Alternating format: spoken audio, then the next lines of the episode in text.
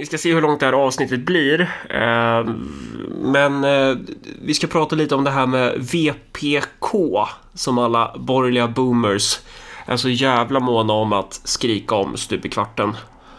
Ja, alltså... Eller inte, inte bara VPK kanske, vi, vi, för, för, samma tendens finns ju på den andra sidan och jag tror att vi, vi har ju varit och, och touchat det ämnet några gånger men att så här, både du och jag tycker, tycker väl oss se en ganska så här, vad ska man säga, apolitisk och oseriös inställning till dels vad Vänsterpartiet faktiskt är i praktiken, men också vad Sverigedemokraterna är i praktiken. Att du har dels det här att, ja. ja men även om Sverigedemokraterna för en politik som man rent sakligt kan hålla med om på flera områden så kan man inte gå in i ett samarbete med dem eller man kan inte göra upp i en viss fråga för att någon gång i urtiden så Eh, så var det massa skinnskalle-nassar som stod och heilade och drack långburk typ. Eh, och, och, då, och, så matar man det här narrativet att de bara spelar så här, att vi, vi egentligen vet att de är nazister innerst inne. Alltså Jimmy han gömmer sin SS-kostym uppe på vinden och han bara väntar på att han själv ska skrika Mach Name och så kommer de rätta färgerna fram. Och så fort de typ säger någonting, ja men typ Richard Jomshof säger typ ett ord på tyska och då bara ah! Vad var det vi sa? Vad var det vi sa? Eh, och då är det mm. beviset för att de är nazister. Och så exakt samma grej har du ju med Vänsterpartiet också. Att det är så här, bland de här jävla elallergikerna och anorektiska eh, psykfallen med, med näsringar så gömmer det sig ett avantgarde som är redo att storma Vinterpalatset. Ja, alltså du vet det där. Den, den, den senaste sån här jävla karusellen som vi, vi åker på nu som land startade ju med att Stefan Löfven sa jag är så himla besviken på Liberalerna. Hur kan ni tänka er att bilda regering med ett antidemokratiskt parti? Och så säger han så här, ja, jag har aldrig uppfattat att VPK var emot demokratin. Mm. Och det här var ju, det här var ju som att kasta en jävla köttben eller ett litet barn inför en familj med bulldoghundar liksom. Utan de bara hoppar på och, och blodet flög. Um, alla bara, ah, vet du vad, VPK, bla bla bla bla bla. Vet du, de stod på Finlands sida i, i vinterkriget. Eller nej, på Sovjets sida i vinterkriget till och med. Och de stödde de röda i det finska inbördeskriget. Och det bara så här, okej, okay, ja. Är det så förvånande liksom? Ja, kommunister stöder kommunister snarare än de som inte gillar kommunister för hundra år sedan. Och sen ska man ju för att nyansera där så hette de ju faktiskt VPK ganska länge tills dess att muren full. Men så du och jag var ju med i Vänsterpartiet under några år. Dock, dock en bra bit efter Sovjets fall. Eh, så du och jag har ju ja. inte någon relation till det där, men att så här, det är klart att de har en historia av att rent geopolitiskt ha varit allierade med Sovjet. Men att, ja, att hävda att de skulle ha utgjort någon slags liksom, hot mot demokratin i Sverige på, på ett rent ideologiskt plan eh, till och med under den eran, till och med under liksom den eurokommunistiska eran eh, och kanske till och med tillbaka till ända så 50 och 40-talet då de ändå var ännu mer så lierade till Sovjet. För det är det man brukar säga i det där, eller brukar och brukar, de här gamla stötarna säger ju det liksom. Ja, ökenvandringen började ju där under C.H. Hermansson. Det var ju då man vek av i revisionismen. eh, så de, de, har ju... Eh, om man nu skulle vara intresserad av att göra någon form av statsvetenskaplig analys, vilket ju är jävligt riskabelt för det riskerar ju bara att landa i att marxister är högerpopulister eller whatnot. Men om man nu skulle vara intresserad av att faktiskt analysera hur de har förhållit sig till demokratin i Sverige så skulle inte jag säga att de har varit ett hot här. Däremot kan man ju definitivt argumentera för att de har varit ett, ett hot mot demokratin i Sverige. Eh, men inte då utifrån en ideologisk, ett ideologiskt perspektiv utan kanske utifrån ett geopolitiskt perspektiv. Kanske typ så här, hade Sovjet invaderat? Ja, men det är klart att man hade använt typ VPK-filurer som någon form av kvisslingar. Ja, det hade ja, inte ja. förvånat mig. Så på så sätt kan man ju förstå, men då är det ju liksom inte så mycket om eh, och nu, säger, nu sitter så här folk från höger och bara, ja men vad är, vad är skillnaden då? Du säger emot dig själv, de är ju ett hot. Men poängen mm. någonstans här är ju att, att år 2021 stå och vifta med att de här människorna på något sätt skulle ens ha en tanke om att göra en revolution och att det då skulle innebära att man ska avskaffa privategendomen, införa planekonomi, vad är det mer de ska göra? Bygga Gulag i Lappland och ja, du vet. Jo, men exakt. Alltså den, den, den, den främsta faktorn man måste ta ställning till här det är ju att Sovjetunionen den existerar inte längre och har inte gjort det på ganska länge.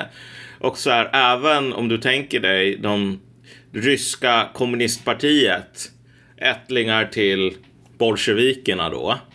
Uh, de, är ju inte, de vill ju inte ha tillbaks någon sån här historiematerialism, bla bla bla, utan det här är typ folk som tycker att Ryssland har blivit trampat på för mycket och uh, hyrorna är för dyra. Så det är nationalism och någon form av välfärdspolitik som de kombinerar. Um, tycker överlag att så här, eller det är väl en ganska vanlig åsikt idag att så här, marxismen var i slutändan så här, ett utländskt påfund som orsakade massor med knas i Ryssland just för att det var någonting tyskt, kanske till och med judiskt snarare än ryskt. Vilket ironiskt nog motsvarar så här vad de tidiga socialistrevolutionärerna som typ kommunisterna gitade på eh, 1900-talets början tyckte. Men hur som. Alltså så att Sovjetunionen finns inte längre. Och det finns ett djupare problem här äh, än att det bara är så här jobbiga boomers som håller på och säger Men du då? Mm. Så här, ja vet du vad, du är nazist i kostym, ja men du tycker Pol Pot är bra. Och det är så här, alla de här anklagelserna om att egentligen så väntar bara Jonas Sjöstedt och VPK på en chans att avskaffa privategendom och, och, och inf införskaffa liksom proletariatets diktatur och bla bla bla sådär. Alltså de här sakerna, det är inte en seriös analys av vilken roll som partier som v eh, Vänsterpartiet spelar idag. Mm. Och, och det man också kan säga där är ju att det alltså många anför som bevis, det är ju att det uttryckligen står i något principprogram hos Ung Vänster eller Vänsterpartiet eller någon organisation, jag vet inte vilken av dem det är, men att så här, ja, men man vill avskaffa privategendomen. Men det står ju också i deras principprogram att de vill sänka politikerlönerna och jag har gett dem möjlighet att göra det, att sänka deras egna löner och alla andras i Örebro flera gånger. Jag har gett dem möjligheten att slopa fallskärmarna men de misslyckas ju varje gång för de, du, du vet, ja men just idag regnar det så just idag kan vi inte. Ja men just idag så vill vi att man ska göra det från riksdagen. Ja men just idag så avstår vi nu från att rösta. Så att, att man skriver någonting på ett papper. Jag kan skriva här att eh, jag är Stålmannen kan jag skriva på det här pappret. Det behöver inte betyda att jag är det. Eh, och det är samma mm. sak, andra partier, jag menar Moderaterna har säkert någon skrivning om att de stödjer en fri marknad och sådär och, och sen så är de ju i praktiken någon form av halvkuckade sossar. Så att mm. man måste ju fatta att det är en skillnad på en formell nivå och en faktiskt existerande nivå. Så länge de inte klarar av att sänka politikerlönerna när de får chansen så har jag väldigt svårt att tro att de skulle klara av att avskaffa privategendomen. Men det är ju inte heller syftet med att så peka på den där textraden och skrika att kolla här är beviset, utan Någonstans så handlar väl det här om att profilera sig själv i relation till den andra. Ja. Och behovet av att profilera sig själv i relation till den andra handlar ju om att man själv är dålig. Men, men låt, oss, låt oss använda den här jobbiga gamla liksom, vänstermarxistiska termen här en, en stund. Det här med bas och överbyggnad. Mm. Och basen ska då i det här exemplet vara liksom samhällets grundläggande konstruktion, hur det faktiskt ser ut, inte så som vi uppfattar det, utan hur det objektivt funkar. Klassrelationer, och, ekonomi, produktionsförhållanden och så vidare. Ja. Mm. Och överbyggnaden är då de idéer och ideologier och liknande som människor har kring, kring samhället och kring vad som är rätt, vad som är moraliskt, vad som är fel. Ideologi, kultur, religion, politik, filosofi, bla bla bla. Och om vi tar, om vi tar och kollar på vänstern en stund här, liksom, för, för att se igenom allt det VPK-snacket, mm. så är det så här att ta, eh, rent konkret, så förstår smarta människor inom vänstern, skulle jag säga. Och jag kan ta, då kan tänka på liksom folk som så här ändå reflekterar, typ Åsa Linderborg, Göran Greider sådär. Mm. Uh, de fattar ju väldigt uh, tydligt och liksom håller på och klagar om det privat, skulle jag nog säga. Att deras idéer inte är något hot mot kapitalismens bas idag alltså, Helt konkret, tror du att Göran Greider sitter och bara tänker så här, ja ah, vet du vad, om jag säger öppna gränserna, då kommer Coca-Cola och bara rygga tillbaks som så här supermannen inför eh, ett ton kryptonit. Bara, nej, inga öppna gränser! Vi behöver nationalstater, annars kan vi inte kapitalister ackumulera. Och absolut ingen... eh, Inga papperslösa som jobbar svart. Alltså vi kapitalister, vi kommer att dö av det. Absolut inte, det är ju tvärtom. Det är så här, ja, ja, okej, om du säger att det här är eh, en del av en proletär internationalism, who cares? Så här, riv alla murar, riv ner alla jävla liksom nationsstater, de är inte längre användbara för oss. Förkasta, Och sen om du kallar det... förkasta, Ja. förkasta allt heligt. Eller vad är det? Förfly, allt heligt förflyttas. Ja. Vad fan är man säger? Allt heligt profaneras är det väl? Ja, och allt fast Förflykt- Ja, förflyktigas. just så här. Det, det är hela poängen. Det, det är vad, vad kapitalismens animal spirits behöver idag. De behöver inte en stark stat som så att säga i någon sorts korporativistisk modell ser till så att... Ja, li, Ehm, lite, li, ja, lite beroende på vilka kapitalister, vilken del av kapitalismen vi pratar om förstås.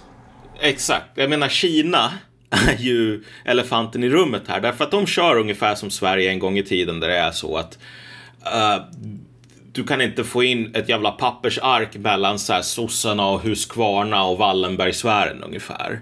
Alla drar åt samma håll. Jo, Kina funkar så och Kinas ekonomi går jävligt bra. Men i västvärlden så är det så att vad våra kapitalister håller på med det är ju mer eller mindre typ looting många gånger. Eh, typ stock buybacks, hålla på, mergers and acquisitions, få massor med pengar så. De behöver inte korporativism. Nej, och också om du, om du tittar på vad Vänsterpartiets politik är i praktiken. Alltså dels, eh, dels har du det här med öppna gränser. Eh, vilket ju är en hyperliberal idé, om, lite beroende på vad man ska använda för begrepp. Men det är ju inte di- direkt en traditionell... Det är inte en idé som du skulle ha i den traditionella revolutionära kommunistiska delen av arbetarrörelsen. Tvärtom. Nej. Eh, och det är ju också det här behovet av att disciplinera den dumma massan. Alltså att man är, Ja. man är minoritetsorienterade, ens, ens liksom gravitation är gentemot transferiatet, har vi tjatat om i vart och vartannat avsnitt. Men just det här behovet av att disciplinera och uppfostra folket. Och folket är ju arbetarklassen. Och arbetarklassen har Ja. liksom en dålig moral, de, de eh, könar fel, de säger negerboll, de gör allt, allting. Och om de inte gör det så finns det nya problem som vi kan uppfinna och tjäna pengar på genom att sälja certifieringar och diplom på det.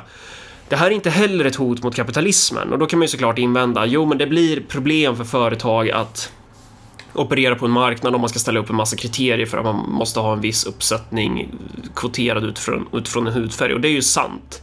Men syftet med de här åtgärderna från Vänsterpartiet är ju inte riktade mot liksom kapitalet utan de här åtgärderna är ju riktade mot folkflertalet för att disciplinera folkflertalet. Det är ju snarare en murbräcka som kapitalet kan använda mot folkflertalet. Ja, men det är inte bara att de kan använda det. Du har helt rätt i det där. Men, men den saken som du har lite fel i det är att de här sakerna inte skulle vara användbara för företag.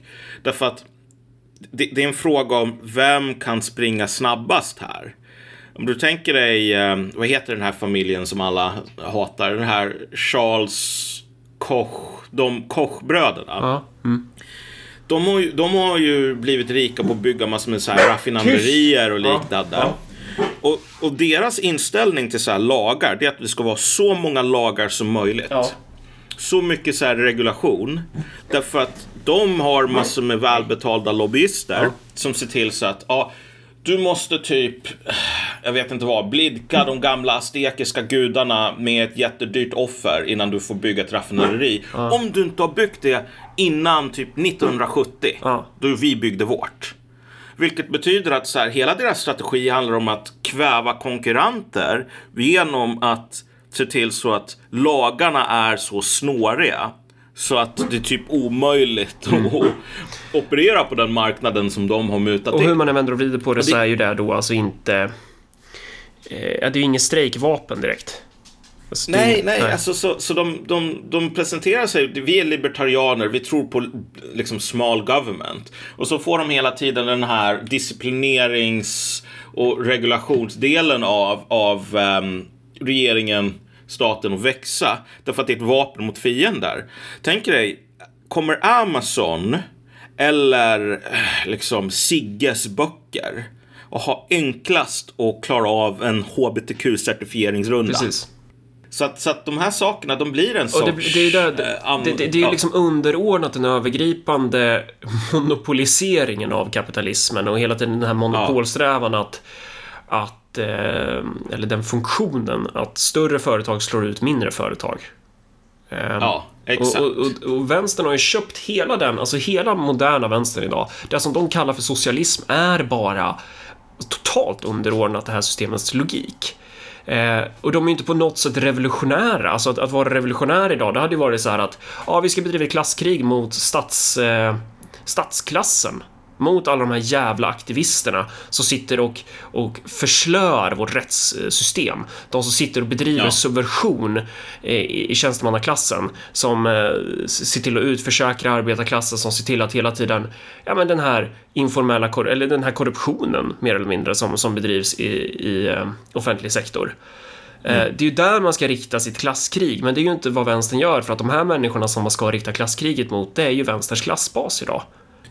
Men när det gäller den här frågan om så här falskt medvetande, typ att man inte vet, man gör någonting och så vet man inte vad man gör. Alltså här, här får vi ändå om, vara helt ärliga. att Typ vänstern är fan bättre än högern.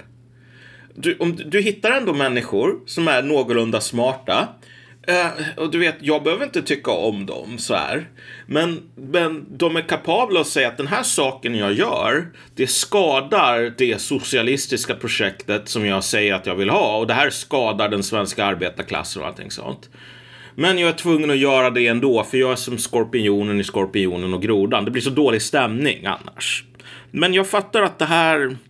Mina idéer, de är inte mot kapitalismen, de ligger i linje med vart den är på väg. Men de säger ju också, alltså Du hittar det som är ja. deras socialistiska projekt, det är ju liksom, det är socialism för konstnären, genusvetaren, eh, ideologicertifikatören. Det är ju inte socialism ja, för, de facto blir det ju ja, så. det är ju inte socialism för liksom eh, Puttes Rör AB. Nej, så är det ju. Så, men, men ändå, det finns ändå någon form av probleminsikt. Även om probleminsikten inte gör att man ändrar på det. Alltså det kommer man aldrig. Man kommer aldrig att ändra på det som man vet är motsägelsefullt. Men man fattar att det finns en motsägelse. Det här har inte högern. Alltså, högern i USA, okej fine, där börjar det där växa fram eftersom typ hela jävla big business-klassen nu säger att ni är fascister och ni måste typ elimineras med så här genuscertifierade automatkanoner. Men i Sverige så har man liksom inte fattat det här med att man själv, man är en jävla obsolet modell. Mm. Man, man representerar en överbyggnad, en ideologi som inte längre är användbar. Jag kommer ihåg, pratade, om man pratar med så här gamla gråsossar eller avloppsmoderater eh, från en viss generation. De gillar verkligen det här. Det var någon sån här barnberättelse som en gång pumpades ut i svenska skolan som handlade om två systrar. Spara och slösa. Och så är det någon sån här puttinuttig berättelse om spara. Hon, hon lägger pengar i bankbok. Eh, och slösa och bara köper massor med grejer och, och hamnar i skuld. Och du vet, man ska vara som spara. För spara är ansvarstagande och bla bla bla. Du vet, på, på, under en period, då var det så här att det här var inte bara en fråga om personlig moral. Det här var en fråga om nationell konkurrenskraft. Ja. Och hela den här, sådana här värderingar som, som lite fränt kan kalla för småborgerliga. Vilket är vad, vad folk i högern håller på att gå igång på när de säger VPK kommer att ta bort allt det här. I, i VPKs värld då kommer man inte få ha sin egen tandborste och du vet staten kommer att bestämma. Det kommer inte vara fria, fri, fria initiativ. Det kommer inte vara en fri marknad. Bla bla. bla. Alltså allt de, alla de där idéerna de är verkligen, de är så daterade idag. Amazon behöver inte massor med, um, liksom en, en stor medelklass som håller på och sparar på sparkonton. Det, det är ett hinder för Amazons ackumulation. Vilket betyder att det är de här jävla blåhåren med näsringar och typ molotov cocktails som bränner ner den här medelklassens jävla affärer i USA. De är fan bättre kapitalister än de här människorna med monokel och liksom cylinderhatt som bara Herre min skapare! Anarkister på mina gator! Vad skulle liksom Adam Smith säga om det här? Utveckla det där resonemanget lite så man... Så, man men, menar du att...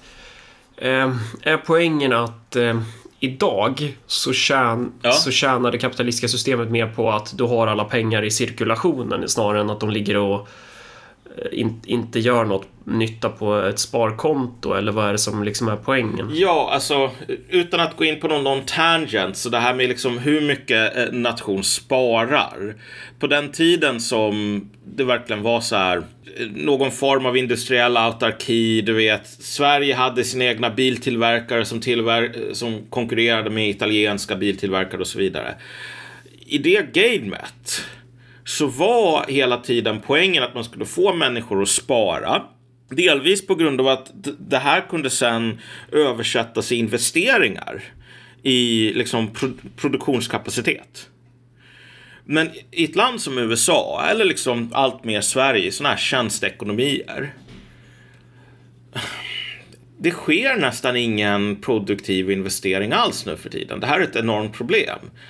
I Kina är det fortfarande så att liksom, Xi Jinping kan säga att vi behöver fler fabriker därför att då kan vi typ tillverka mer tanks. Okej, så den övergripande, den övergripande poängen är att i och med skiftet från då Sverige var mer en industrination, det är vi ju fortfarande, men, men vi kanske var det mycket mer utpräglat och relativt sett, Ja. då till att vi har blivit en så kallad tjänstenation. Jag vet inte hur mycket exakt det där, men, men ja, man kan ju fördjupa sig i det där i all oändlighet, men då, då har det också skett ett skifte från eh, att man vill rikta investeringar mot produktionen till att man ska konsumera mer, eller vadå? Exakt, och då får man konsumera. Jag menar, USA har ju en sån här enorm Och det bytesbalans. leder ju också då till att då kanske inte är industrikapitalisterna i första hand som tjänar mest pengar på det, utan det kanske är finanskapitalister då för att ekonomin blir skulddriven. Eh, Och om man Ja, ska titta exakt. på Vänsterpartiets ekonomiska politik på, de kom, på kommunala planen och regionala planen så är ju de, i alla fall i kommuner, de har ju inte något koncept om att budgeten kan ta slut. Det kan liksom inte ta slut på Ja. pengar och det kommer jag ihåg när jag satt i skoldebatter med eh, när jag var distriktsordförande för Ung Vänster för tusen år sedan. Eh, man fick alltid det här slängt i ansiktet. Ja, men ni har ju en sedelpress i källaren. Och det är ju sant. Alltså, det, det, den typen av mentalitet finns ju någonstans inom vänstern. Man kan hela tiden ta lån. Det är liksom, Ja, det, man behöver inte vara... Det gör ingenting. Eh, Det finns ju liksom ingen konsekvens. Det är bara så här borgerligt påhitt. Det är bara en fix idé att de andra partierna vill vara lite mer försiktiga med det där. Eh, Men det är också helt logiskt sett utifrån vilka grupper som det här partiet idag representerar. För att Ja. de som ska betala av skulden, det är ju inte... Alltså så här, Vänsterpartiets grupper är verksamma i offentlig sektor och då pratar vi inte om sjuksköterskor utan vi pratar om ideologiproducenter, vi pratar om de högre skikten. De är ju beroende av en skulddriven ekonomi. De vill ju ha de här skattemedlen så att det är bara bra att ha ett jättehögt skattetryck för om du ska tjäna den här klassen då, då på kort sikt. Ja, och våran sån här term som är lite otymplig, men liksom det här transferiatet. Marx talade ju om grupper som vars relation till ekonomin är just som konsumenter snarare än producenter. Därför att relationen till ekonomin som typ en bonde har, det är producent. Samma sak med en arbetare i en fabrik. Samma sak med en ägare av en fabrik. Liksom deras liv och död hänger på förmågan att få den här ab- fabriken eller jordbruket att kunna producera saker. Det är liksom där deras intresse Vad tar han som exempel på konsument då? Renodlad konsument? För de här är ju också konsumenter såklart, men, kanske, men de producerar ju också någonting. De producerar ju och konsumerar. Men vad tar han som renodlad arketypisk konsument? Alltså olika former av tjänstemän, liksom sådana här barnmorskor, liknande. Alltså det är en ganska brett spann, en väldigt heterogen grupp. Grupp? Ja. eh, grupp. Men, ehm, och sen gör han ju också den här poängen om att en hel del av de här människorna är ju eh, på något plan gynnsamma för produktionen. De hjälper till med cirkuleringen av varor och kapital. När det gäller sjuksköterskor, de ser till så att lä- ehm, arbetare kan gå till jobbet. Såna där Varför saker. menar han att barnmorskor är en konsum... konsument? Jag, kommer inte ihåg om det var just det som var exemplet. Men så här, alltså läkar, liknande sådana så här, medicinska tjänster. Okej, som, som inte skapar någon form av direkt produkt utan som är re, reproduktiv kanske, eller som är liksom... Ja, Ja. jo men exakt. Alltså det är ju inte som om barnmorskan producerar barn, men däremot hjälper ju till så att barn överlever och så vidare. Men, men poängen här är bara i alla fall att vi behöver inte grotta ner oss i detaljerna i den här modellen, men, men det finns väldigt stora skillnader mellan intressena hos producenter och intressena hos pro- konsumenter. Så. Det är liksom två olika saker i någon mån. Um, och om du har en ekonomi som handlar om att du kan ha så här enorma bytesbalanser, du kan montera ner ett helt lands industri, vilket man har gjort i USA. Och så säger man, ja men vet du vad, vi kan ha andra människor som tillverkar saker och ni behöver bara låna pengar från banker eller liksom från kreditinstitut för att köpa nya bilar, det är ert jobb. Eh, Det här spara och slösa, det är fan inte spara som är the good guy i, i, i, liksom i kapitalisternas ögon i en sådan ekonomi. Så att poängen här är bara att i takt med att världen förändras så skiftar också vilken sorts överbyggnad som är gynnsam för basen. Och det här är någonting som högern typ inte fattar. Alltså tänk dig att vara någon sån här jävla knökboomer idag och bara vakna upp och säga så här. Jag tänker rösta på högerpartiet för att de är de som är kapitalismens vänner. Så här, nej, inte i, inte i västvärlden. Um, I västvärlden så är det så här att det sker en enorm jävla överflyttning. Om du kollar till vilka som eh, donerar pengar till vilket parti. Alltså republikanerna i USA håller ju på att tappa det där jättesnabbt. De har liksom tappat Chamber of Commerce som har börjat donera till um, Demokraterna.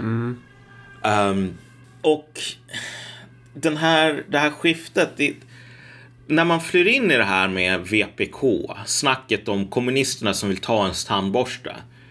På ett plan är det här bara, ja men du då liksom, Löfven började. Men på ett annat plan så får man ju verkligen intrycket av att det finns något desperat i det här. Att du vet, man visste hur man skulle relatera till världen på den tiden som VPK faktiskt ville sno folks tandborstar. Man vet, men man vet inte hur man ska göra det nu då, när världen har förändrats. Nej. Sen så vill de ju, din- de vill ju sno din tandborste så att de ska kunna ge den till en av, av deras egna team. Men de, de, vill, men de vill ju inte sno din tandborste för att vi ska bygga en ny fabrik. Nej, nej men exakt. Alltså, det är i, I den tiden som vi lever i. Menar, man måste fan give the devil his due. Ja. Så här, Jonas Sjöstedt och Vänsterpartiet och Nooshi Dadgostar som nu har tagit över rodret från den stora rorsmannen. Alltså de... De vet vilka, visst det finns en del falskt medvetna och allting sånt där och en del liksom självbedrägeri. Men på det hela taget, det här är ett parti som vet på vilken sida av mackan som smöret ska bres på. Fast de, de, De vet. de tänker ju också, alltså, många av de här människorna har ju en berättelse om sig själva som att arbetarklassen är ju som vi alla vet jättekorkad och det är bland annat därför man ska tjäna pengar på den genom att hbtq-diplomera den. Men den är ju också korkad för att den förstår ju inte varför Vänsterpartiet är bästa partiet. Och det säger många av företrädarna rakt ut att så här, ja, men vårt problem är att människor inte förstår att vi är bäst. Och någonstans så tänker de ju att de fortfarande har en politik för folkflertalet. Och på vissa, Ja. vissa punkter så är det så här, ja, men de, det finns väl anledning till att de inte vill inskränka LAS och införa marknadshyror och det är ju ett arv från tidigare positioner Exakt. snarare. Än att det är liksom en klassanalys som man har gjort utifrån rådande förutsättningar. Ja, men man, man, det är som, som Marx också säger att så här att Eh, människan skapar historien, man gör inte det efter eget gottfinnande. Så liksom vem som helst som vill agera politiskt kommer att ha liksom långt, stora sedimenteringslager av så här gamla idéer och sånger och uniformer och så vidare som man väldigt svårt kan frigöra sig för, från. Eh, eller om man försöker så tar det ett långt jävla tag innan man är helt fri. Å andra sidan, så de här LAS och allt det här, eh, det är väl också en trygghet för deras klassbas kan man väl se, se det som. Ja, jo men det är det ju. Och det, alltså, Och, och de människorna bedriver ju en facklig kamp mot det allmänna. Mot det offentliga. Ja, exakt. Alltså, och det man måste förstå är också att det finns ju... Det finns tendenser och de är mindre tydliga i Sverige än i USA men alltså vi är alla på väg till det där jävla helveteslandet förr eller senare. Men, men så här att vad man är intresserad av verkar ju vara en så här två olika världar, två olika regler för olika klasser så. Så att i USA nyligen så röstade de ju igenom och liksom avskaffa LAS och allting sådant för folk som jobbar i gigekonomin. Ja. Ja. Medan man vill ha du vet Bernie Sanders kampanj. Ja. Där organiserade ju sig kampanjarbetarna fackligt. Ja. Eh, för att kunna kräva högre lön av kampanjen. Och där tänker jag så här verkligen, här har det här är så jävla perverst. Det här är inte dina pengar. Bernie Sanders är inte en kapitalist i cylinderhatt. Han är en förvaltare av donationer från massor med amerikanska arbetare. Fan vad det där summerar de där människorna på så himla fint Ja. sätt. Att det är så här, ja men vi... Det det är så här, någonstans tänker man politik, det ska vara, du går in med, med hjärta och själ i det, men de går bara in med plånboken och den politiken de ska försöka sälja, det är typ tvärtom någonstans. Alltså, nej, shit. Ja, så på ett plan så är liksom Bernie Sanders kampanj var den mest cyniska av alla valkampanjer någonsin i det där jävla landet nästan. Om du jobbar åt Hillary Clinton, du kommer att få pissigt betalt. Därför att så här, Lite beroende, på officiella- vad, lite beroende på vad du gör förstås. Ja, okej, jo, om du sitter i toppen, ja då får du skitbra betalt. Men så här, på, på, om du är en fotsoldat, du får pissigt betalt. Därför att det är så här, officiellt är berättelser att du gör det här för att du bryr dig om Amerika. Inofficiellt så är det ju så här, wink wink. Du får skitdåligt betalt därför att det här är som Göran Persson som håller på och kokar kaffe i någon jävla kommunnämnd. Alltså, du behöver vara learn to obey before you learn to command. Så här. Du, du ska genomgå någon sorts av äh, gesällvandring innan du kan bli en mästare. Medan i Bernie Sanders, då är det verkligen så här. Jag ska ha så mycket som möjligt av den amerikanska arbetarklassens pengar i min egen ficka. Det är socialism. Um, så det, det finns verkligen när man håller på och snackar om fackföreningar, jag tror att det där var en väldigt bra poäng, att de, de där sakerna, de, de ses från ett annat perspektiv. De betyder lite olika saker när det är eh, liksom, tjänstemän och, och liksom deras politiker som säger de här sakerna än om det är... Och va, men, men varför är det då ett problem när högern tror att Vänsterpartiet inte är det som Vänsterpartiet är? Ja, för oss är det väl egentligen mindre än ett problem Ja. eftersom högern skjuter sig själv i foten Ja. så. Men alltså, det leder bara till sådana här situationer där man blir blindsided. Av att upptäcka att, nej vet du vad? Det är inte du och din jävla spara mot slösa berättelse som nu så att säga förkroppsligar kapitalismens världsande. Det är de här jävla blåhåren. Mm. Men det är också en så genomgående idealistisk strategi någonstans. Att det är så här, ja. men jag skulle inte kalla det för en stor kukspopulism att eh, kampanja på att motståndaren är ond.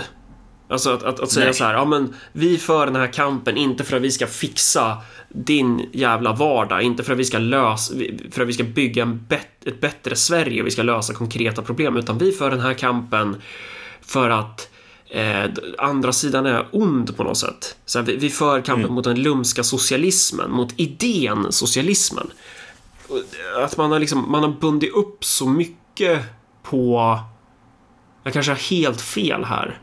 Men att det är så här... Nej, nej, jag håller Det, med. det är ju inte, man bygger ju inte ett offensivt klassprojekt som är så här, ja, ni är våran grupp av människor och vi för era intressen. Vi, vi ska, vi ska här, dra våra lansar för er och bara rusa rätt igenom fienden.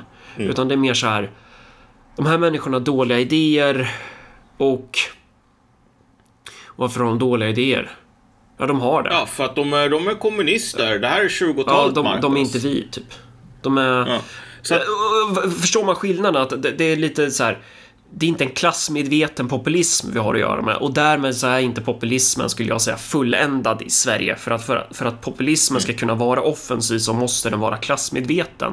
Du kan inte bygga en, en stark populistisk rörelse, och med det menar jag då alltså en rörelse för, av och för folkflertalet, om du inte är medveten om de materiella behoven och intressena. Um, om Ja, det bara exakt. blir en idékamp som är så här, vi kan inte tycka X och Y för att det är associerat med de röda idéerna, men vi kan tycka Z, O, Ä, Ö för det är associerat med de blåa idéerna. Och så ska du hålla på med den här efterhandskonstruktionen och liksom så här bygga konservatismen. Du ska bygga någon form av lös idé, någon löst idéverk idag, typ. Alltså vänstern låtsas vara så här helt förvirrad angående klass. Bara, Ah, vad är det som händer? Folk röstar på SD. Ah, arbetarklassen håller på att försvinna. Ja, kanske, kanske inte. Vi har fan ingen jävla aning, Marcus. Allt är så himla kaos. Och sen så är de i hur de faktiskt beter sig ganska hårdkokta jävla liksom klass eh, kampspolitiker för sin jävla, sitt jävla transferiat. Eh, typ inte i Sverige, men liksom i Amerika, då är det ju så att man till och med bränner ner kulakernas jävla butiker så att Amazon kan komma in och ta över. Och, och, och, det, och Eh. SD skulle ju kunna göra det. SD skulle ju kunna vara ett parti som säger ja, nu ska vi införa fri tandvård i hela, hela landet för där tjänar våran eh, primära eh, målgrupp på. Eh, vi ska också avskaffa de här eh, genuscertifikatörerna och allt den här skiten, inte på grund av att man hatar idén, utan på grund Mm. av att det här är en parasitism. Det här är en exploatering av våran grupp. Men det där tar man ju Exakt. inte ens i sitt, i sitt eh, liksom man vill ju inte ens närma sig den idén för att idén i sig själv, analysen i sig själv ses som marxistisk och det är den ju någonstans. Men att, och, Ja. det är då ett problem, då kan man inte använda det verktyget. Det, det verktyget är lika pestsmittat som många, som typ liberalen Jan Jönsson anser att SD är.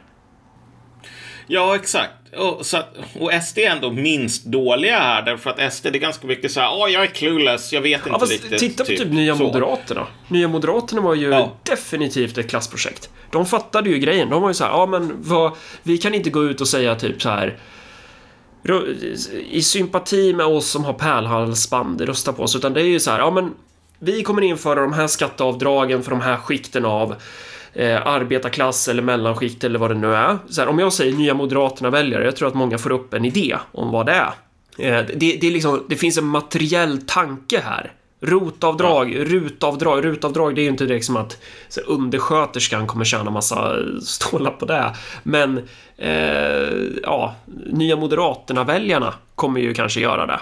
Eh, vad, vad finns det Ja. mer? Ja, men vad fan, jobbskatteavdrag. Och, och den, den poängen är ju inte heller så här det är, väl, det är väl fan skitbra att sänka skatterna för arbetarklassen. Det är väl, det är väl guld? Så länge vi har råd med en, liksom en fungerande välfärdsstat och allt sånt. Och det går ju att kombinera dem.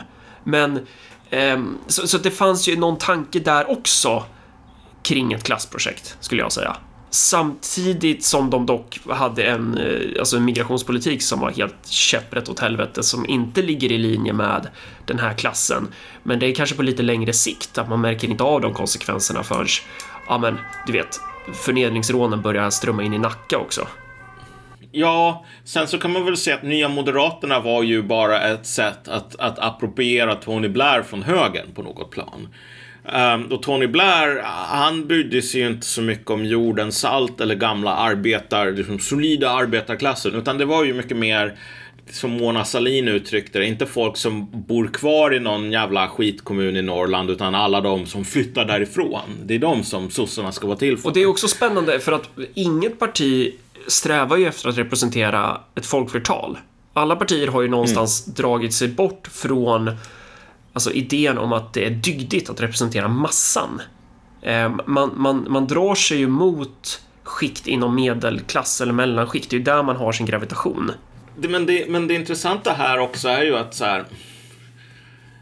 Högern är ju vänsterns motsats. Alltså de nya, nya moderaterna, det är dött och begravet sådär. Det är ett diskrediterat projekt. Men, men nu har vi Moderaterna Classic. De har till och med infört den gamla loggan igen. Och Moderaterna Classic är fan de absolut värsta på, på allt det här. Därför att okej, vänstern låtsas vara clueless, är hårdkokta så här klasskämpare för sin egen klass. Uh, medans så här, knökmoderater låtsas kunna allt, men är totalt jävla clueless i praktiken. Är så här, jag vet precis vad det är som vi slåss mot Marcus. Vi slåss emot marxismens hemska ideologi som har orsakat hundratals miljoner dödsfall. Mm. Det här är vad Marx skrev i uh, det här brevet till Lasalle 1884. Det är exakt det som vi har att göra med. Ja. Och det är bara så här, nej. Det är det inte. Vi har inte att göra med Marx i någon diskussion med Lassalle. Vi har inte att göra med typ Lenin som skriver någonting i vad bör göras. Vi har inte att göra med Pol Pot. Vi har inte att göra med typ Tito. Mm.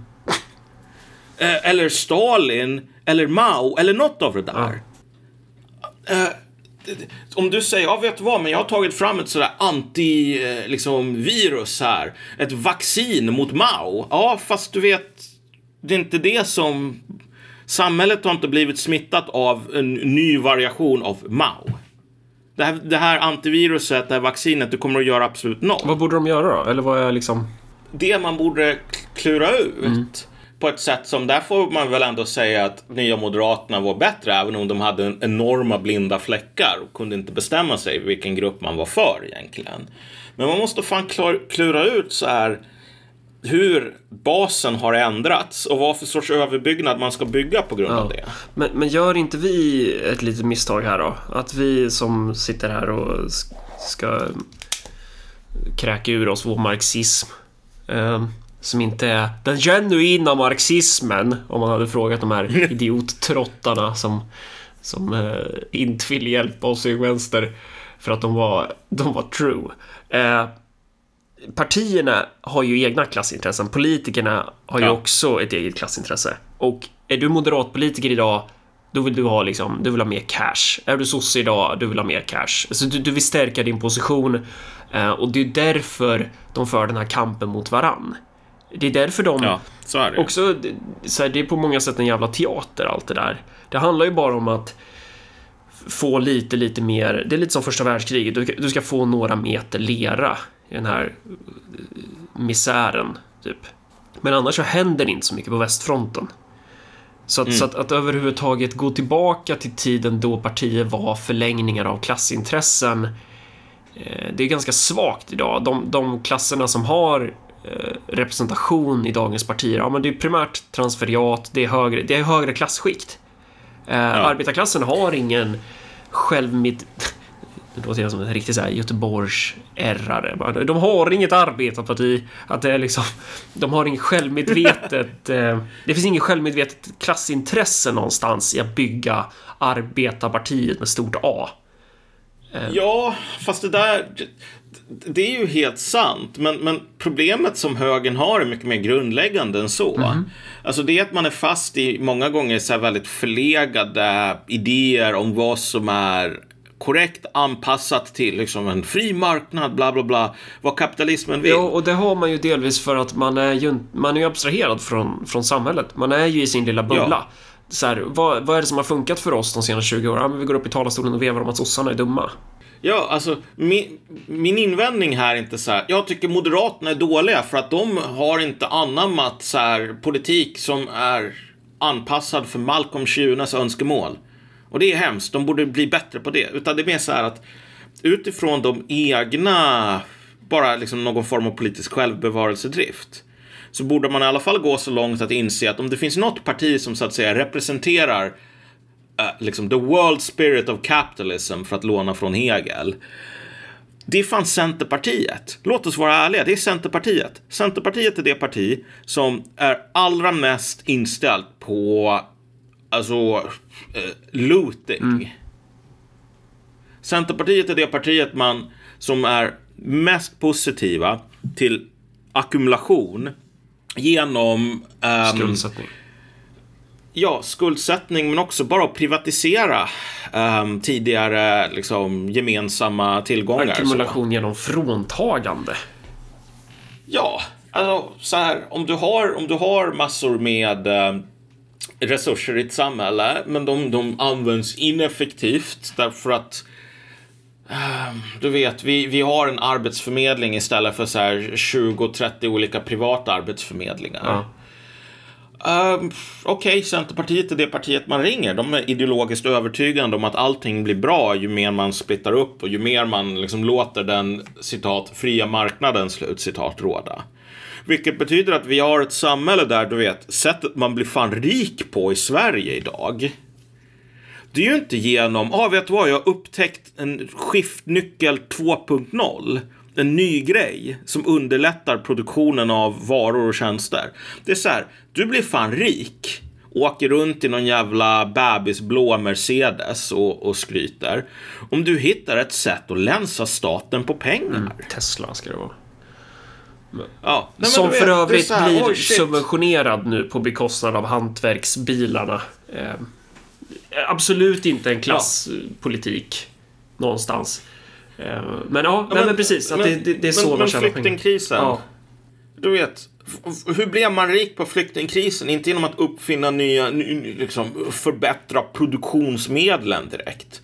Utan det var ju bara att fylla i um, olika formulär och typ hitta någon jävla rått hotell som man kunde dumpa afghaner på och sen säga och liksom fakturera staten. Definitivt. Och här kan man ju säga att det råder en konflikt mellan partierna på den så kallade högerkanten där man slåss om vilka som ska representera de här suga på tutten kapitalisterna på bästa sätt.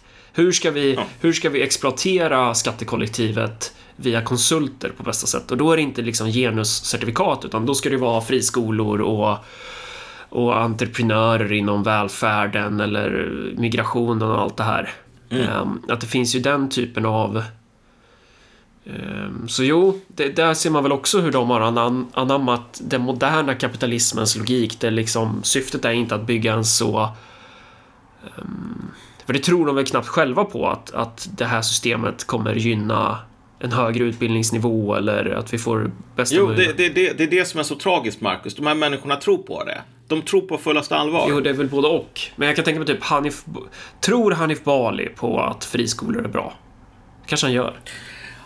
Ja, alltså han... Bali, kamrat Bali är väl mer cynisk än de flesta. Och Ja, vi, det är också så vi skiter att... i Bali, för jag vet inte så mycket. Men, ja. men, ja, men okej, okay. jo, jo, vissa av dem tror ju på fullaste allvar att eh, citat, vi ska ha en konkurrens om, om vem som, vilka av de här personerna som får, alltså det är inte ens en riktig marknad.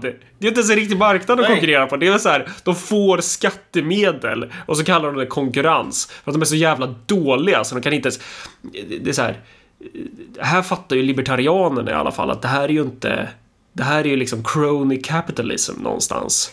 Uh, och, men, men, men, att då tänker de typ att på grund av att vi har det system vi har så kommer vi få bättre resultat i slutändan. Ja, exakt. Och det, men, men grejen är ju att om, om man rör sig bland så här högerknökar så fattar man ju att det här är den officiella storyn som projiceras utåt. Att du, du vet, jag älskar friskolor, fria marknaden. Alla vet att det finns... Du vet ju vad de sa när jag ville stänga ner de här islamistskolorna och så tyckte jag att, ja. att övriga friskolor de ska bära sina handläggningskostnader själva. Vi ska inte subventionera friskolors handläggningstid. Det ska vara ja. egenfinansierad taxa. Så att vi ska inte gå, skattebetalarna ska inte gå back på det. Moderaterna hugger på det. Moderaterna tycker att vi är Eh, vi hatade frihet när vi inte ville skattesubventionera deras eh, alltså primära patrons då. Men i praktiken så är det så att det, det, är relativt få som verkligen tror på de här sakerna. Det är bara det att om du är en borgerlig ledarskribent och du kommer ut emot um, typ friskolor Folk pratar med varandra och så här friskolekoncernägare har många vänner inom den, den borgerliga sfären. Du kommer inte få ett jobb sen. Så alla håller god min i alla Du kommer spel. inte få ett jobb där du som ledarskribent kan tjäna 120 000 i månaden på att prutta ut ja, Du kommer inte ens att få ett där du kan tjäna 40 000 i månaden. Nej. Liksom. Det, det, finns inte, det finns inte hur många sådana jobb som helst idag nu för tiden.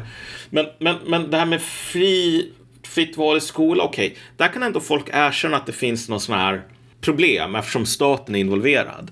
Men, men det mest patetiska, det är ju liksom de här människorna, och sådana finns det många av, som verkligen idealiserar, du vet, den nya sortens techföretag, du vet, Uber. Ja, just det och som bara, det här är visar att kapitalismen är så stark. Kolla den fria marknaden. Jag menar, Ubers hela business model och de har inte tjänat pengar ett enda kvartal. De håller på och blöder pengar. Men deras stora plan består av två saker. Sak nummer ett är att till skillnad från andra taxibolag så ska man kringgå lagen och säga att det här är inte anställda så vi behöver inte betala dem förmåner utan det här är independent contractors. Du vet, den uppfinningen och ändra den legala statusen på folk som kör dina jävla taxibilar. Det här är inte en innovation i produktionsmedel. Nej, nej inte. Det här är ju bara att man förflyttar resurser från arbetare till ägare. Precis, det är en amputation av samhällskroppen någonstans.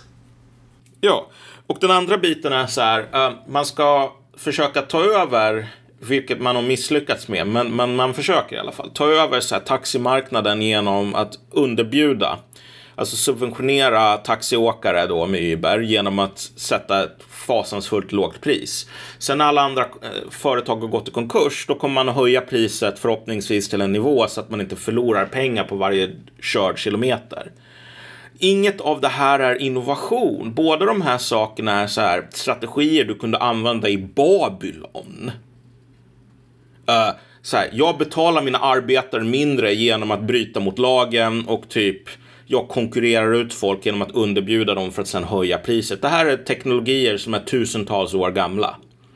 Men folk bara, ah fy fan Uber, det här är framtiden. Nej, det här är ett tecken på att du har ett, ett stagnerande ekonomi.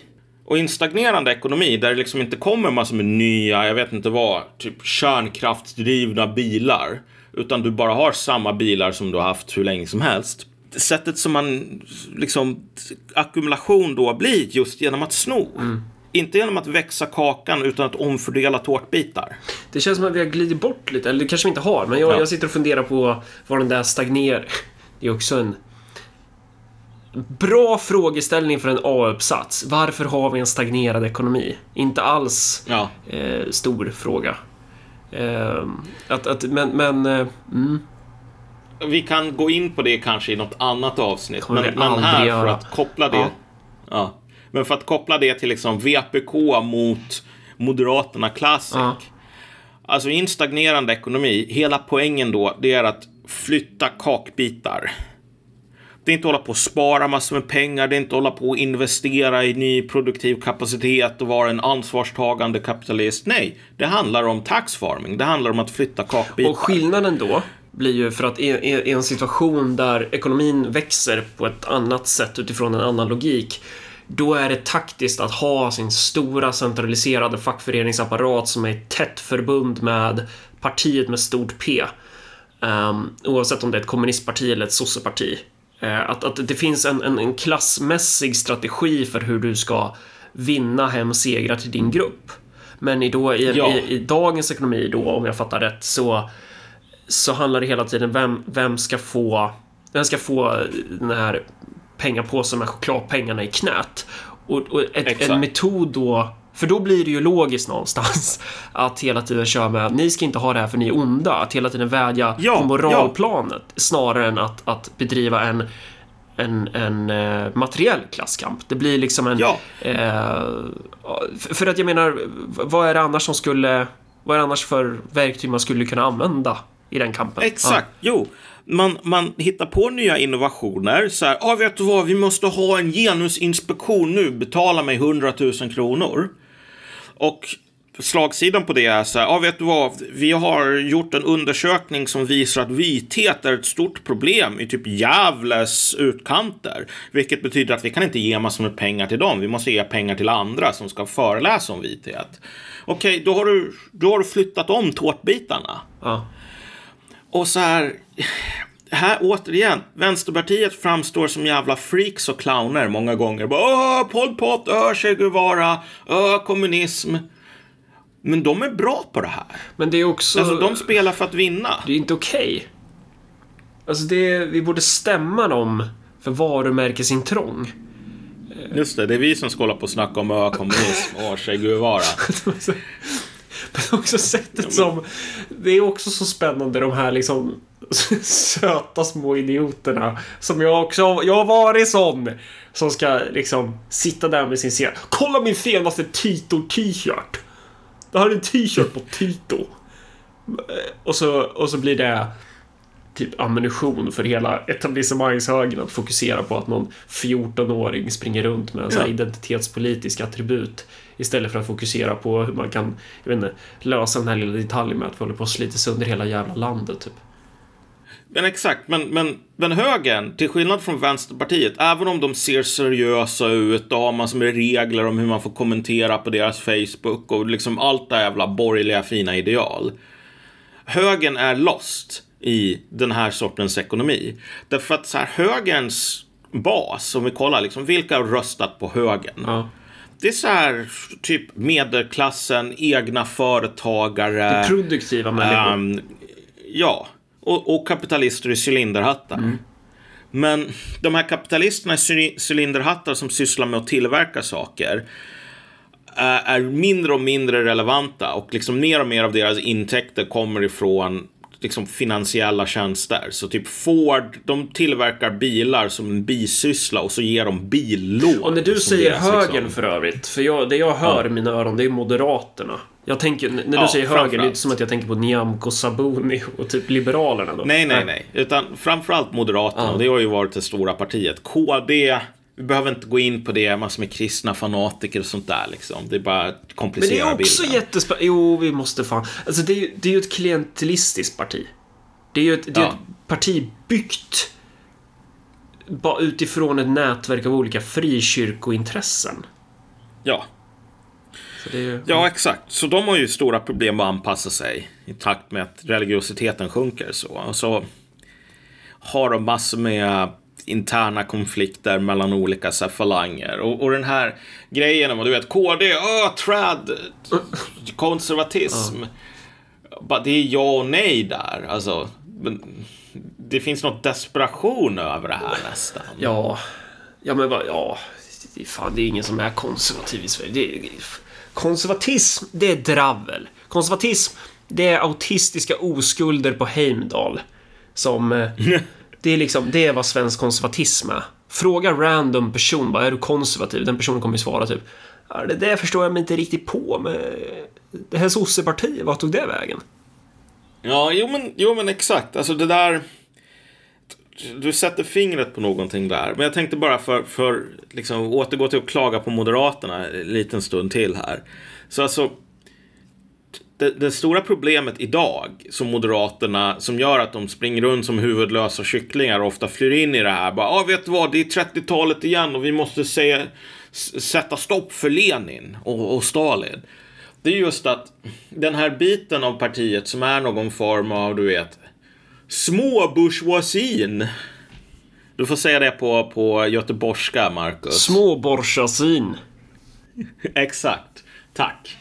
Den, eh, den gruppen, den är stora förlorare i den här skyffla runt kakbitar på kakfatet-fasen av historien. Och vad menar du med, när du säger småbourgeoisin, vad menar du då? För jag tänker ju, jag tänker ju ideologiproducenter, men du menar väl något annat? Ja, jag menar alltså det, det, det som Marx menade här. Alltså så här, butiksägare, folk som har liksom företag, inte så här städare som har eget företag. Ja, precis, du vet, menar utifrån definitionen på 1800-talet alltså? Om man skulle... Ja, så, att, så att folk som äger något sånt här mindre företag med liksom ett par anställda.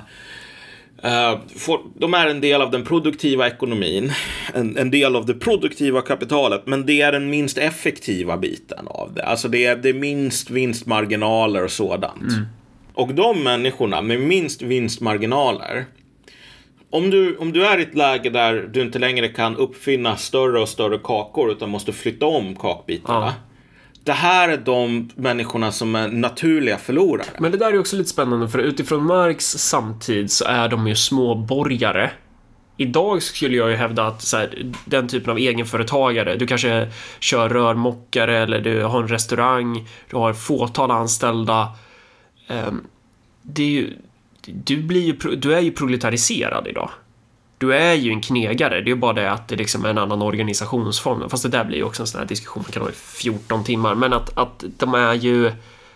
Ja, skitsamma. Alltså de, de, blir, de är i alla fall, alltså jag förstår vad du menar med proletariserade därför att det här är en grupp som håller på att missgynnas allt mer. Ja, men också, också Um, att de lever i en annan... Det är, men det är också så här diskussion om vad, vad innebär klass i praktiken. Men alltså sättet Ja. de lever sina liv på. Det är ju inte som att de bor... Eh, de är gifta med undersköterskor. De är liksom, det, det är vanligt jävla folk. Exakt. Det är vanligt jävla folk, men de har ändå en sån här klassposition och en specifik relation till produktionen. Det, det, det är producenter och det är liksom ägare av Produktionsmedel. Uh, uh, ja, exakt. Uh, men det är liksom den, den svagaste gruppen här. Det är inte liksom stora kapitalister eller någonting sådant. Nej. Min poäng med att kalla dem liksom små bourgeoisie i den här gamla um, Ja, i the original sense. definitionen. Det är inte att säga, ja vet du vad, de här är dumma, utan de måste och de måste likvideras. Utan, utan poängen här är att i den tiden som vi befinner oss nu, de här människorna som vill sätta fler och fler kakbitar på sin eget fat, de måste ta dem någon annanstans ifrån. Och de som är sämst kapabla att försvara det, eh, och som du vet, slö, de är ineffektiva. Det är liksom mer ehm, energi går liksom till förlust i någon sorts spillvärme här. Eh, det är liksom småkapitalet. Det är såna här eh, vanliga människor. Därför att typ om du jämför McDonalds med eh, liksom, Ja, eller vi, någon... vi kan ta... eh, Vi kan ta i Örebro, återigen, i kommunen. Så här, corona, coronastödåtgärder. Ja. Alltså, eh, eller bara upphandling. Allt det här, alltså det är alltid de stora drakarna som tjänar på det. Och så kan sossarna Exakt. och moderaterna och så vidare sitta där och bara Ja, fast nu tycker inte jag att du ska sitta och grina för att vi eh, chockhöjer taxan med 87 procent. För att det är, i en fri marknad så kan man gå under, speciellt om det är pandemi. Alltså de får ju alltid bära det tunga lasset. Eh, Och där är ju partierna inte alls intresserade av att gå in och, och stötta upp. Tänk om vi kom med en regel för att rädda alla liksom högskole... Eh, eh, eh, liksom studenter på Södertörns högskola.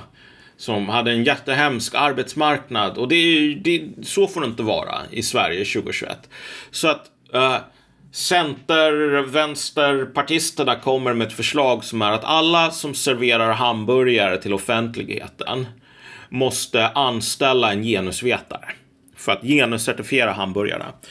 Kommer typ uh, Stinsen eller någon sån här annan typ bara hamburgerkiosk eller McDonalds råd. Ja. att kunna absorbera det här enklast. Självklart är det ju McDonalds. Det är inte bara för att McDonalds har massor med pengar utan för att McDonalds är en mycket mer slimmad organisation. De har de här skalfördelarna som gör att de kan hitta ehm, Liksom de kan pressa ner priserna för råvaror de köper in, för de anställda de har, så att de kan avvara mer Det överskott. finns också ett materiellt incitament att inte vilja representera småföretagarna. För att de kan inte, de kan inte betala lika mycket för sin representation. Eh, Exakt, de, exakt. Det är liksom, det, det är skalfördelar i att vara eh, klientelistisk gentemot större kapitalister än vad det är att vara gentemot ett större antal väljare. Och Förutsatt att partiet bara handlar om att tjäna pengar och, och klara sig kvar. Typ. Ja. Men om vi tänker oss, bara fortsätta på det exemplet någon minut till. Så här, Stinsen mot McDonalds. McDonalds har sparat massor med pengar på löner till sina anställda. Och på inköp av råvaror. Stinsen måste betala mer för de här sakerna. Um, om McDonalds då har råd att anställa en genusvetare. Då är det ju så att sett till hela processen så är det så att McDonalds har flyttat pengar, flyttat resurser från folk som gör hamburgare på McDonalds restauranger till genusvetare från Södertörns högskola. Och stinsen är dåligt för de är inte starka nog att kunna flytta människor från, som gör hamburgare på stinsen till genusvetare. Och det här är, det här är en ganska central grej därför att så här, det gör de här småföretagen till liksom naturliga fiender för, för det så kallade transferiatet. Och det har man liksom sett i, i hur, hur USA hanterade de här kravallerna som drabbade småföretagare enormt hårt. Uh, den amerikanska vänstern höll ju öppet på att säga, vet du vad, det här är småbourgeoisien, den är reaktionär, så det är bara bra om vi typ likviderar dem. Precis, och typ då, Amazon och, får... Och då kommer den här 30-talet narrativet tillbaka att, ja, vilka var det som, vilka var det som ja. gjorde så att Hitler kom till makt? Ja, det var ju småbarnschassin. Ja, därför tar vi en molotov och så bränner vi ner typ den lokala hamburgerrestaurangen som ägs av folk som bor här och så får Burger King ta över de utbrända ruinerna. Alltså så rätt. har vi ett steg närmare socialismen. ja, precis. och, och, och, nej, vi är inte ett steg närmare proletariatets diktatur eh, om Frasses hamburgare blir nedbränt och ersatt med Burger King. Alltså vi är precis lika långt ifrån proletariatets diktatur. Frasses är väl rätt stor närmare. kedja dock. Just det, ja förlåt. Churchills. Äh, det... Är Churchill stor eller? Är den etablerad? Det kanske den är. Ja, Skitsamma, man fattar poängen. Ja. Mm. Um, vi är ett steg närmare när den här transformeringen har skett. Uh, att det går att anställa en jävla diversity manager på den lokala hamburgerrestaurangen. Alltså att ett steg närmare att förflytta eh, resurser till transferiatets diktatur kanske vi ska kalla det. Mm. Um, och det är det som, som vänsterns politik handlar om. Medan högern, så här, parti, partier som Moderaterna, har hela tiden försökt balansera uh, olika grupper som nu är helt liksom, på motsatt sida i, i klassekampen. Klassekampen. Men de är ju de är också så fast i idéernas fåror och fack. De ja. sitter ju fast i det här liksom byrålådan som det står idé på. De kan liksom inte gå utanför den där lådan, flyta iväg, rinna iväg någon annanstans för att de har ju internaliserat att politik är idéernas kamp. Det är inte klassernas kamp. Det är inte de materiella intressenas kamp. Så att de är ju in... Många av de här människorna tror ju på att det de kämpar för, det är en viss uppsättning idéer. Eh, och, sen, och, och då mm. handlar det om att övertala väljare till att tycka att de idéerna är bra, snarare än att man kämpar för en viss grupps intressen. Och det är en ganska stor skillnad. Eh, men, det, men då är ju också så här, följden på det där borde ju vara att eh, det finns ju ganska stor potential att plocka väljare som idag röstar på Moderaterna. Alltså plocka ja. över dem till ett populistiskt projekt för att Alltså Moderaterna är ju, de är fortfarande livrädda att ens Visst, de är närmar sig SD med några millimeter, men det är inte som att de kan säga så här, ja, men vi har självförtroende nog att göra upp med dem i specifika frågor och de skulle aldrig kunna tänka sig att ge ministerposter till SD. Eh, även om de skulle kunna komma överens i vissa sakfrågor för att de är rädda för att vänstern ska säga att de är dumma. De är fortfarande ja, kvar i den här moralarenan. Och det gör ju då att då är de ännu mer bakbundna om man skulle kunna... För populismen kommer växa i Sverige. Populismen som polisfenomen ja. där man ska förstå politiska partier som växer fram i syfte att representera majoriteten. Där majoriteten inte är smutsig, obildad och förkastlig, utan majoriteten är önskvärd. Majoriteten är de som ska styra. Um, de populistpartierna kommer ju kunna plocka mark på Moderaternas bekostnad så länge Moderaterna är fega. Om Moderaterna inte ja. är fega, ja då bränner de ju broar. Vilka bränner de broarna med då? Ja, då bränner de broarna med typ sossarna. Ja, men med, om du kollar på vilka, vad är det för klass egentligen som, som styr i Moderaterna i Stockholm som samarbetar med MP? Uh, eh, och vilka, vilka klasser i samhället är det som de eh, så att säga har sin maktbas i? Ja, det är det är inte så stor skillnad på moderata väljare och MP-väljare här i... i, i... Finstäderna? Nej. Nej. Um, och de har ungefär samma relation många gånger. Sen får man väl göra den här skillnaden också att alltså Moderaterna, de representerar ju i någon mån, uh, hur ska man säga, den, den riktiga stor liksom borgerligheten i termer av den här nya uh, länsa staten på pengar kapitalism. Ja, delvis ja. Mm. Eller jo, det gör de ju. Um, ja.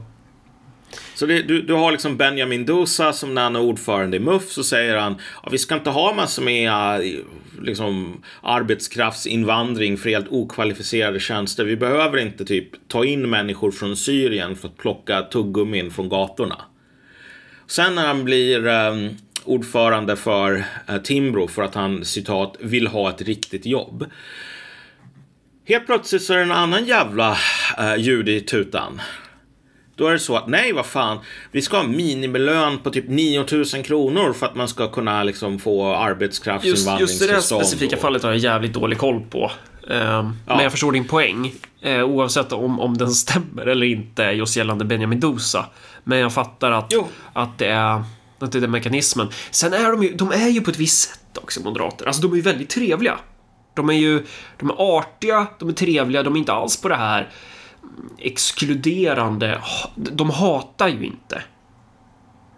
Folk inom vänster, de, de känner ju ett genuint hat. Eh, men, men Moderaterna, de är mycket mer så här. De är städade och de tänker att de tjänar på att vara städade. Att de tjänar på att vara grå. Och, och, och att man inte lägger märke till dem, typ. Ja, framförallt så... Om, det finns säkert så här kulturella skillnader, men jag funderar på det här också. Åt du på något? Marx talar ju om... Äter du på något nu? Eller har du druckit? Nej. Nej. Jag drack min Red Bull här. Men du vet, Marx talar ju ändå om så här heroiska klasser på något plan. Ja, just det. Ehm, och jag skulle väl säga att anledningen till att vänstern är så hatisk Ja. Är ju för att den upplever att du vet, vi är, vi är framtiden. Liksom. Vi är den här maskrosblomman som håller på att ta oss upp genom asfalten. ja, just det. Att vi, vi populister är det. Ja, det- det också. Du vet, om, Eller om du känner att du vilka har är vi är maskrosblomman enligt dem? Är det de själva? dem själva. Aha. Mm. Vänstern är maskrosblomman därför att så här, här, du vet, alla de här människorna från Södertörns högskola som förtjänar att styra hela världen, som inte får göra det än. Liksom, de har, du vet, historien har valt dem. Eh, de, de, de representerar världsanden. Medans, och, och jag, ser man sig själv på det sättet att jag representerar framtiden, mina motståndare representerar det förgångna, då har man gett sig själv en jävla 007-licens att hata. Och det är ju samma sak kan faktiskt sägas om typ populister också. Det är lätt att vara arg och det är lätt att bli upprörd om man känner att man representerar de, de rättfärdiga eller de som är på väg uppåt snarare än de på väg nedåt. Samma sak om gamla socialdemokrater, de kunde vara jävligt sura också. Moderaterna representerar inte i slutändan någon sorts Heroisk klass. Nej, alltså de har, en, de, de har sytt ihop en koalition som bäst före-datumet passerats för länge sedan på. Ja. Ehm, då, då kostar det ingenting att vara, att vara artig. För det borde ju vara, alltså om, om andra partier skulle förstå, förstå marxismens storhet här, Malcolm. eh, och, och rycka i, i klassbalkarna i det där moderata fuskbygget. Så borde man ju kunna åsamka ganska stor skada. Alltså att hela tiden pusha Moderaterna till att... För de... de nu tänker jag högt inför alla Ja, tusentals lyssnare här. Och det är ju skitdumt att göra. Ibland. Eh, men eh, det känns som eh, att... att eh, men att, att, att det borde kunna vara en akilleshäl för Moderaterna på längre Ja. sikt. Att, att liksom... Ehm, SD har ju inte alls det, det hotet mot sig. SDs... Faran för SD det är ju att luften går ur dem att när de väl får makt och inflytande så kan de inte göra tillräckligt stor förändring i, i relation till de förväntningar som är uppställda. ÖP har ju också en sån att det finns väldigt höga förväntningar på oss. Ehm, Moderaterna har ju... Um, fan, jag hittar inte... Jag vet inte hur jag ska förklara det här för det är inte färdigt tänkt. Men att det är typ någonstans att... Uh, eh, om, om man, an- antingen så push, man, man, vill, man vill ju på, få dem att, att slitas isär. För att antingen så får de ju dra åt ett populistiskt håll eller så får de ju bli typ ett med etablissemanget Ja. någonstans. Och de kan inte vara både och, men de måste välja.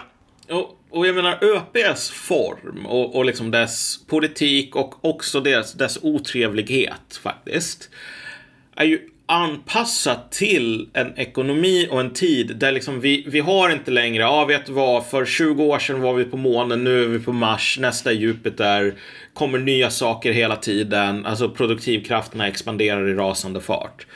Alltså den perioden är över och den kanske inte kommer tillbaks igen. Och då blir det här kakor, kakbitarna växer inte. Frågan är bara liksom vem, vem kommer att förlora, vem kommer att snå åt sig flest av andras kakbitar på sin egen tallrik. Och då partiet, utan att det här var någon sån här medveten doktrin som typ du eller jag hade i huvudet för en så här sex år sedan. Så har, har det naturligt kommit in i den här positionen att ÖPs grundläggande verb inom politiken, det är att identifiera såna här jävla kaktjuvar som bara säger, vet du vad? Kolla där borta en elefant. Och så flyttar de över din tallrik till sin egen ända av bordet. Och så smäller man dem på fingrarna och säger ajabaja. Nej, vi ska inte flytta över resurser från liksom din kla från arbetare eller liksom småföretagare till din jävla transferiatklass. Mm. Sluta upp med det. Mm liksom attacken mot slöseri som blir attackerad både från vänstern för att det är fascism och från högern för att det är trollande med pengar. Som Lenin. Som, som, ja. Som du vet den här jävla NA-ledaren ja. som bara Örebropartiet kommer med enkla löften och trollar med pengar. Vad fan? Och säga vi ska inte lägga ner pengar på ett kromat äppelskrutt. Det är ju inte jävla trolleri. Det är så här, ni säger att vi ska lägga ut pengarna, vi säger att vi ska lägga det på annat. Det är så enkelt som det kan bli. Men man måste mystifiera de här sakerna därför att kromade äppelskrutt, visst, de låter, det låter lite löjligt, men även det är en transferering i någon mån.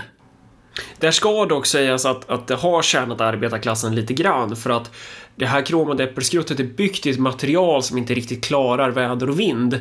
Så man måste liksom ta in det någon gång per år för att reparera det så att statyn har en driftskostnad vilket genererar kapital för personer som blästrar kromet eller vad fan de gör för skit. så, så, det, så där, har vi, där har vi hur vi har skapat produktiva arbeten, Malcolm. Det, det, här, är, det här är liksom det, det Keynes, liksom kromskruts keynesianism. Mm, precis. ja. Men, men äh, ja.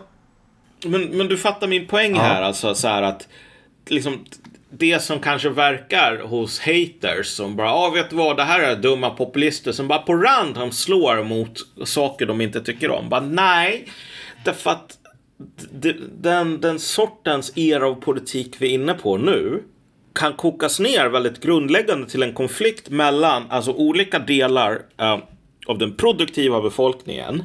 Folk som har en direkt relation till ekonomin som producenter, inte bara som konsumenter. Och de som har en relation till ekonomin bara som konsumenter och inte som producenter av annat än genusvetenskap. Um, och i den liksom klassintressena i en sådan konflikt skär på ett annat sätt än vad de gjorde på 20-talet, säg. Um, och liksom positionen hos um, småbourgeoisien ja. är annorlunda därför att konfliktlinjen här Liksom på den tiden man talade om, du vet, att småbourgeoisien den vände sig till liksom fascismen det var ju inte så att den konflikten som de såg, det var så det är så jävla mycket genusvetenskap i typ Tyskland på 30-talet. Jag har inte råd att betala alla de här HBTQ-inspektionerna och den här enorma administrativa staten.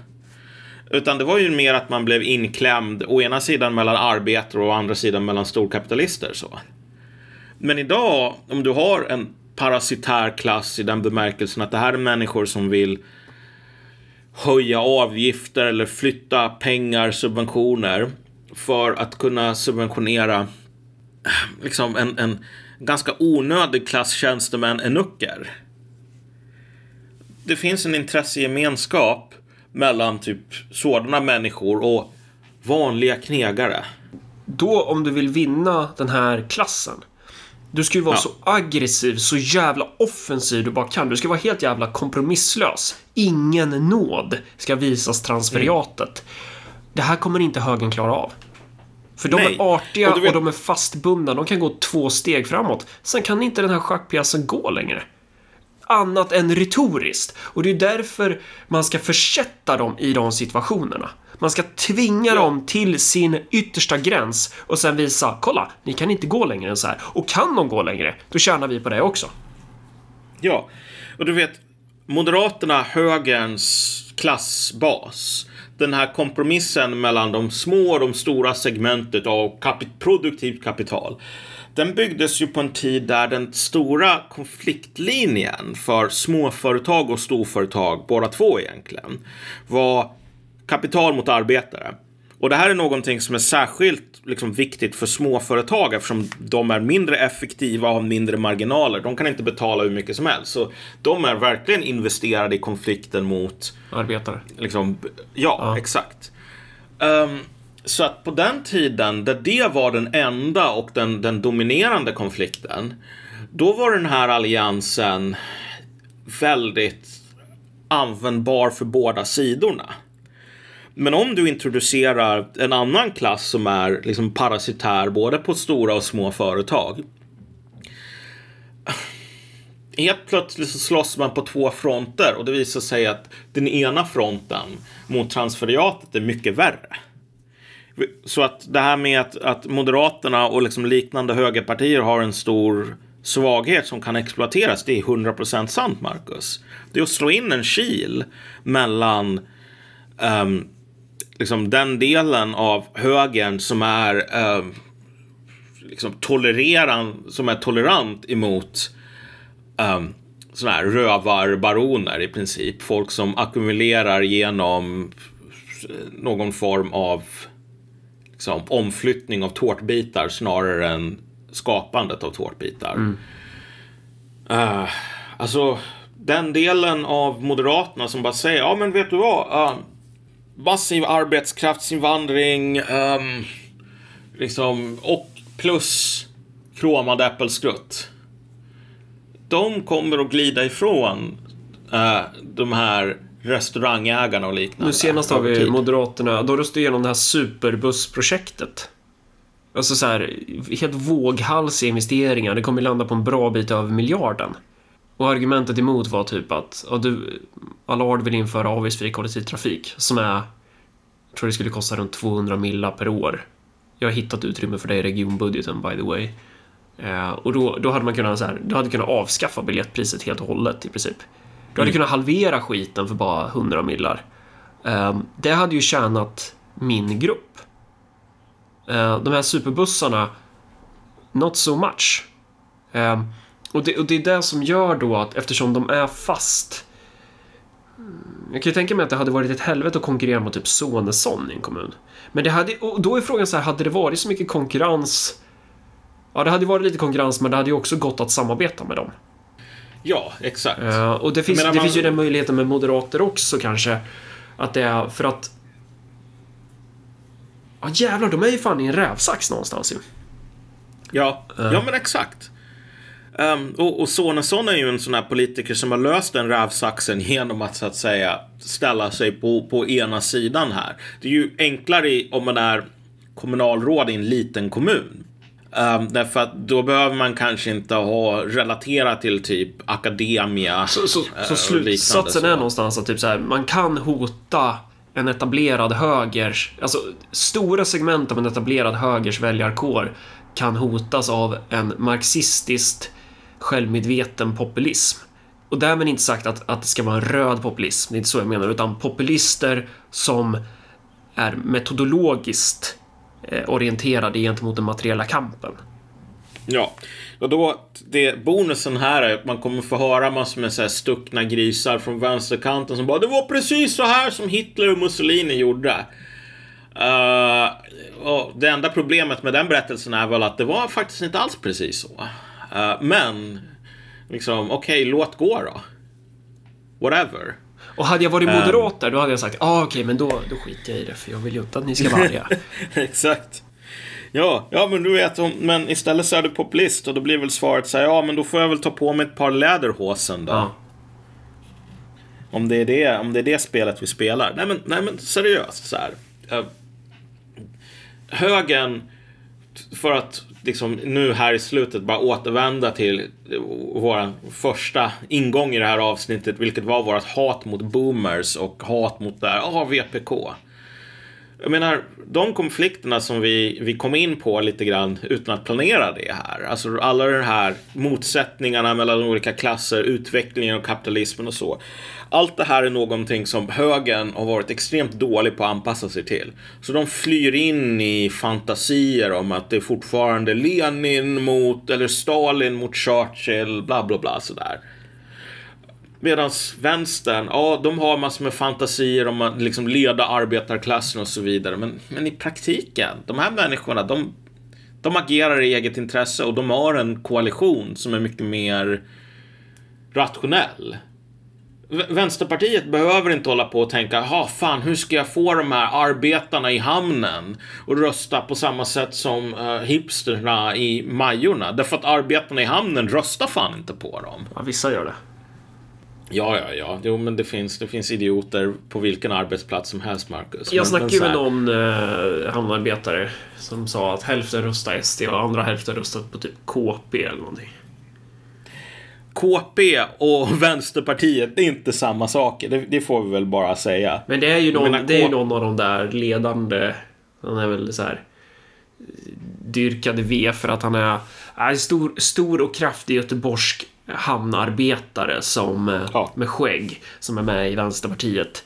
Så, och det, det är så här urtypen av den typen av maskot som man vill ha liksom, i den där typen av ja. partier. Jo, de har ju tokens och så, men alltså Vänsterpartiet är ett parti som det går bäst för i så här högutbildade, ja, urbana stadskärnor där folk tjänar mer än genomsnittet. Ja. Alltså de behöver inte tänka, ah, vad fan ska vi göra i Degerfors liksom nästa val? Därför att alltså de är inte, de är inte seriösa tävlare, de är inte med i gamet. Det är sossarna mm. som måste hålla koll på ja, Degerfors och Stockholms instad å andra sidan. Och det går ju åt helvete för dem. Mm. Men Vänsterpartiet är bara, okej. Okay, Vänster, Vänsterpartiet i hade teorin, ju dock egen majoritet i Degerfors eh, ett tag. Fan, jag väljer ju så jävla dåliga exempel på random. Ja, det är bara, jo, du, du, kan alltså... bara så här, när ditt skript ska rapa upp liksom bruksort, då finns ja. det bara Degerfors att välja bland alternativen. Jag var ju fan där på alltså sån här eh, med, med Jan Myrdal på någon konferens, så det är liksom därför som det är. Ja, och vet du varför äh. du var i Degerfors på en konferens med Jan Myrdal? Det är ju för att Vänsterpartiet i Degerfors var åt det hållet. Att de är så här, de, det är så gamla gubbar. Alltså deras, deras partilokal är Bruksgård. Och det är liksom 600 ja. kvadrat så knakande bruksgård. Utanför så hänger det en stor banderoll, eller det gjorde för tio år sedan i alla fall. Det står “Förstatliga banker då!” Och sen så kommer du in ja. och så är det bara Lenin-byster och det luktar kiss. Och även fast du är i tid så står, så står en Degerfors vänsterpartist där. För att de har, de har ju internet... De, i deras DNA så hatar de ju närkingar och örebroare något så otroligt. Eh, ja. Som, Örebroslyngen, nu ser ni igen. Bara, Nej, jag är, jag är en kvart tidig. Nej. ja, exakt. Alltså, jag, jag, förstår att det här var trauma för dig, Marcus. Ja och se den sanna marxismen, den autentiska marxismen. De hatade på, ju inte oss, alltså de hatade ju oss i Ung Vänster av en annan anledning än de andra vänsterpartisterna. Det var såhär, ja ah, fine. De hade, de hade varit helt fine med att typ ge pengar till Ung Vänster om om jag hade kommit från Karlskoga eller Degerfors-trakten, om jag var så här östvärmlänning. Men nu, nu hatar de oss för att jag är örebroare. Det här är rasism. Ja. Det är diskriminering. Ja. Ja. Ja, ja men okej. Okay. Det här känns som en bra punkt att avsluta på nästan. Alltså. Vet, du vad, vet du vad Fet-Otto heter i Degerfors? Nej. Mål-Otto. Det var en fotbollsspelare som... Eh, det var någon gång för länge sedan i derby mellan ÖSK och Degerfors. Så sprang han in och så av någon jävla anledning så får han för sig att han ska bryta benet. Och så vinner ÖSK hela matchen och Degerfors är jättearga. Vi i Örebro har aldrig riktigt fattat det där. Men eh, Ja, det här kanske är en off topic. Men jag avbröt din, jag avbröt din poäng i alla fall. Att... ja, jag tänkte bara säga så här att ja, utan denna förveckling in i Degerfors liksom historia så kan man väl säga att i de flesta bruksorter som inte har någon sån här, du vet, icke-reformerad person som typ var 50 år gammal på den tiden som VPK hette VPK Ehm, så, jag menar, Vänsterpartiet är en mycket mer renodlad organisation. De, de, de, de behöver inte ha de här enorma klassmotsättningarna inom partiet. Därför att deras relation till liksom, arbetare, fackföreningar, den är alltid så ah, en dag jävlar, då ska alla inse att vi har rätt. Det är inte hur står vi upp de här olika väljarbaserna som över tid har rört sig eh, från varandra och nu är på typ motsatta sidor i någon form av intressekonflikt. Moderaterna har det med på kapitalsidan. Um, sossarna har det mellan liksom arbetare och transferiat. Och de, de konflikterna kan vilken smart populism, populist som, som bemästrar marxism-leninismen eller marxism-allardismen snarare. Mm kan liksom utnyttja det där. Slå en kil mellan de olika grupperna. Det här är högerpopulism. Ja. Det är ju också ett avsnitt, jag vet inte om vi pratar om det, här, men alltså gränslandet mellan marxism och populism. Hur, hur populismen på något sätt har potential att bli eh, den nya vågen, så som socialismen och kommunismen var liksom en sin tids massrörelse, eh, rörelse, typ. Vad, vad finns det innan det? Li- liberalism, kan man ens hävda det? Kristendomen. Ganska Ja, men brett. liberalism var ju the big dog ett långt tag. Ja. Fram till typ 1848 egentligen. Men, men eh, mer oseriös take här, innan vi ger upp, är ju eh, att det är ju ändå ett riktigt jävla kommunisthat. Alltså det är ju ett, det är ett nattsvart hat att försöka få de här revolutionära krigarna som liksom omkullkastade tsarimperier att håna dem så hårt efter deras död. Så man länkar ihop dem med typ Marta Wiklund.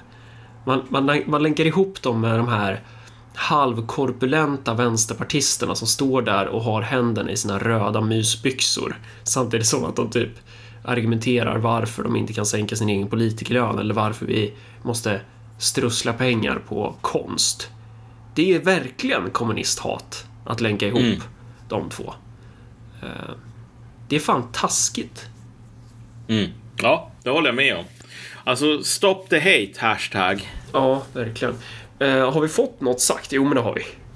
Ja, vi fick mycket mer än vad vi planerade från början. Vi tänkte egentligen bara klaga på boomers. Ja, vi skulle ju spela in ett, annat avsnitt. Det är alltid så. Ja, vi kör det avsnittet på tisdag och så, så stressar jag sönder, ringer upp dig för sent.